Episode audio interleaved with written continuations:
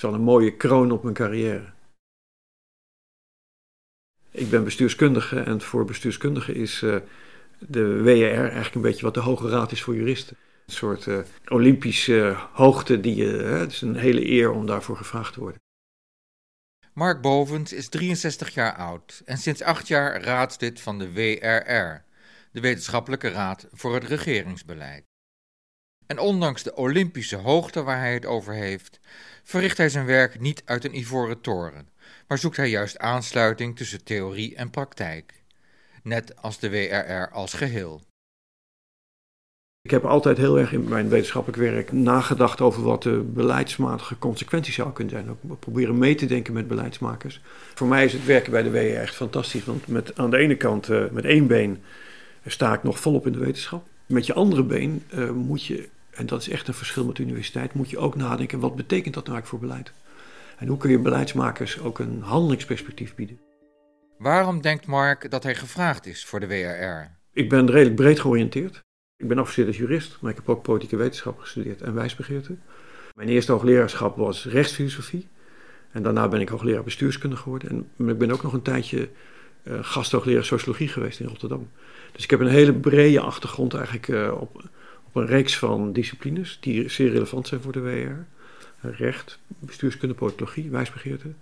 Uh, en ik heb in mijn eigen wetenschappelijk werk altijd heel sterk ook aandacht gehad voor maatschappelijke vraagstukken.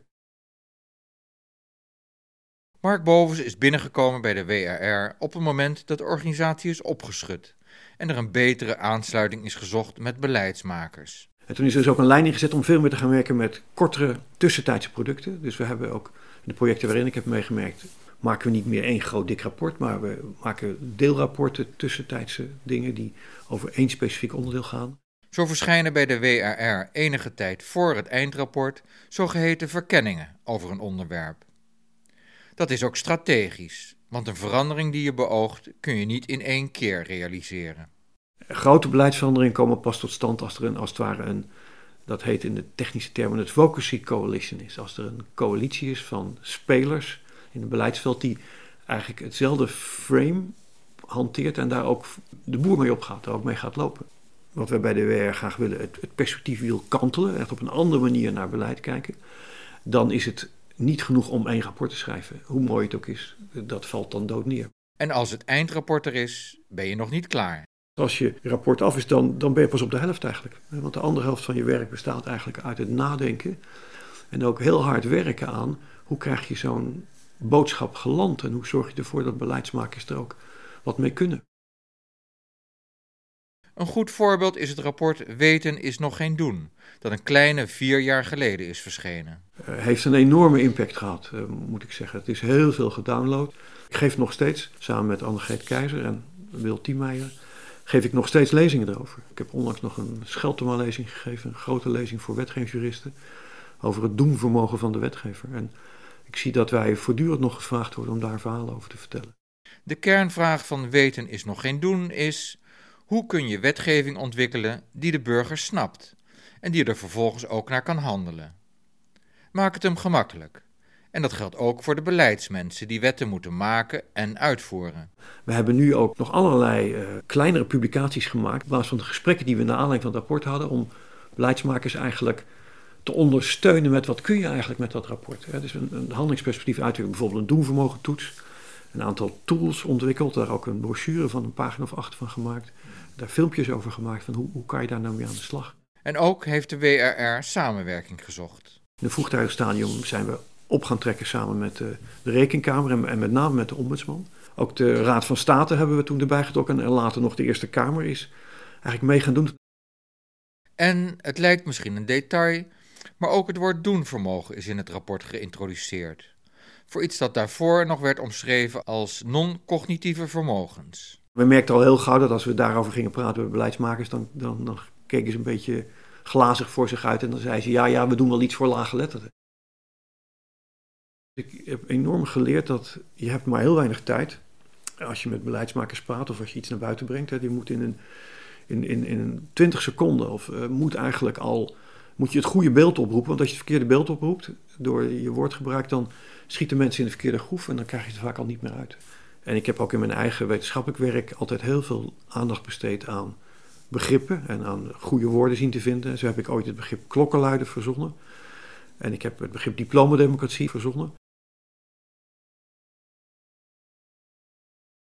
Ook in het rapport Samenleven in Verscheidenheid, dat eind 2020 is verschenen, is het woordgebruik nauwkeurig onder de loep gelegd. Het gaat over de nieuwe patronen in migratie naar ons land en wat dat betekent voor sociale samenhang. Twee begrippen gebruiken we niet meer. Het begrip allochtoon. Eh, want het begrip allochtoon roept eigenlijk alleen maar één specifieke groep, namelijk de klassieke groepen die we ooit hadden in de vorige eeuw. Turken, Marokkanen, Surinamers, Antillianen. Dat is, maar wat wij zeggen, die hele migratie ziet er heel anders uit. Dus het komt uit alle delen van de wereld. En een ander woord dat is gesneuveld is diversiteit. Want dan denken mensen. Dan gaat het ook over LHBT of het gaat over man-vrouw. Of als het over diversiteit gaat, denkt iedereen weer opnieuw aan de klassieke groepen. En dan denkt iedereen, oh ja, we moeten er ook nog iemand bij hebben met een kleur. En wij hebben gezegd, nee, wij gebruiken overal nu het woord verscheidenheid. Een ander woord wat hetzelfde betekent, maar gewoon omdat we weg willen blijven van die traditionele betekenis. Want we willen juist laten zien in dit rapport, er is iets nieuws aan de hand. Daar heb je soms ook nieuwe woorden voor nodig. Het woord klokkenluider heeft Mark Bovens al in 1987 bedacht. Ik was toen uh, nog heel jong, nog in de eind twintig. Mark was bezig aan zijn promotie. En mijn proefschrift ging over de vraag: wie is verantwoordelijk voor het gedrag van grote complexe organisaties? En een van mijn uitkomsten van mijn onderzoek was: je moet toch vooral naar een model van individuele verantwoordelijkheid toe. Maar je kunt mensen niet verantwoordelijk houden als ze zich ook niet verantwoordelijk kunnen gedragen. Dus ik, het tweede deel van mijn proefschrift ging over de vraag: hoe zorg je nou voor dat werknemers en ambtenaren in grote complexe organisaties ook een zekere eigen verantwoordelijkheid kunnen tonen voor het gedrag van een organisatie? En toen kwam ik op twee dingen uit. Het ene was een recht op werkweigeren. En het andere was een recht om naar buiten te gaan met uh, informatie over misstanden. Via het woord whistleblowing, dat in Amerika wordt gebruikt in de nasleep van de Watergate-affaire, komt Mark uit op het woord klokkenluider. Verantwoordelijkheid nemen en verantwoording afleggen hebben een rode draad getrokken door Marks carrière. Ik, ik, zei wel eens, accountability is my middle name. dus het is, of responsibility eigenlijk, ja. Semantisch verschil tussen responsibility en accountability. Maar ik heb eigenlijk mijn hele leven lang... Ja, ik ben oudste zoon in een gezin, dat zal ongetwijfeld uh, een rol spelen. iemand die altijd wel heel... zich altijd snel verantwoordelijk voelt ergens voor. Dat klopt wel, ja. Een politieke crisis is het ultieme moment voor het afleggen van verantwoording. Je kunt dan twee kanten op: zoeken naar een schuldige of leren van je fouten. En allebei zijn legitieme redenen en ook legitieme manieren om publieke verantwoording te organiseren. Alleen ze gaan heel moeilijk samen. Het is uh, heel lastig om tegelijkertijd aan de ene kant uh, schuld en boete te organiseren. Uh, hoe, hoe, belangrijk dat soms ook is. Hè. Dat, dat is heel belangrijk, maar dat gaat niet goed samen met leren want bij schuld en boete, ja, dan, zul je, dan gaan mensen die duiken natuurlijk weg, die willen niet gestraft worden. Dus die zullen hun kaarten voor de borst houden. Maar als je wil leren van fouten, dan moeten mensen hun kaart op tafel leggen en vertellen wat ze fout hebben gedaan. In die lijn is bescherming van klokkenluiders belangrijk. En de verantwoording die de staat aflegt, zorgt ervoor dat mensen op verkiezingsdag naar de stembus gaan. Uiteindelijk is publieke verantwoording gericht op het versterken van de legitimiteit. Uiteindelijk zorgt het ervoor dat burgers vertrouwen blijven houden in het, in het overheidsapparaat en in de, in de democratie en de politiek. Het is een teken van een volwassen democratie, dat je dus onder ogen durft te zien dat de dingen zijn fout gegaan en dat dat ook publiekelijk wordt erkend. Zo'n verantwoording komt meestal met een vertraging. Ook bijvoorbeeld als het over de aanpak van de coronacrisis gaat. Als er nu een kabinetsformatie komt, dan en je zou gevraagd worden om minister van Volksgezondheid te worden, dan zou ik nog wel drie keer mijn knopen tellen. Omdat natuurlijk gegarandeerd er een enorme aandacht gaat komen voor, uh, heeft VWS dit wel goed aangepakt. Ook als het niet Hugo de Jong is, als minister ben je ook verantwoordelijk voor wat je voorgangers hebben gedaan. Dat, dat, de kans dat de, de volgende minister van Volksgezondheid het einde van het kabinet haalt, acht ik niet zo groot. Terug naar het heden. Waar werkt Mark Bovens nu aan? Een van de projecten die we nu aan doen zijn is onzekerheid en onbehagen. Een van de inzichten die we verder uitdiepen is de gedachte dat als burgers geconfronteerd worden met veel onzekerheid en ze tegelijkertijd niet het gevoel hebben dat ze controle hebben over de situatie, dus als er een onbalans is tussen grote onzekerheid aan de ene kant en, en het gevoel van Mastery heet dat, hè? het gevoel van controle, dat je in staat bent om, die, om je toch uh, om te kunnen gaan met die onzekerheid, dat dat een belangrijke bron is van stress, van frustratie en uiteindelijk ook van maatschappelijk onbehagen.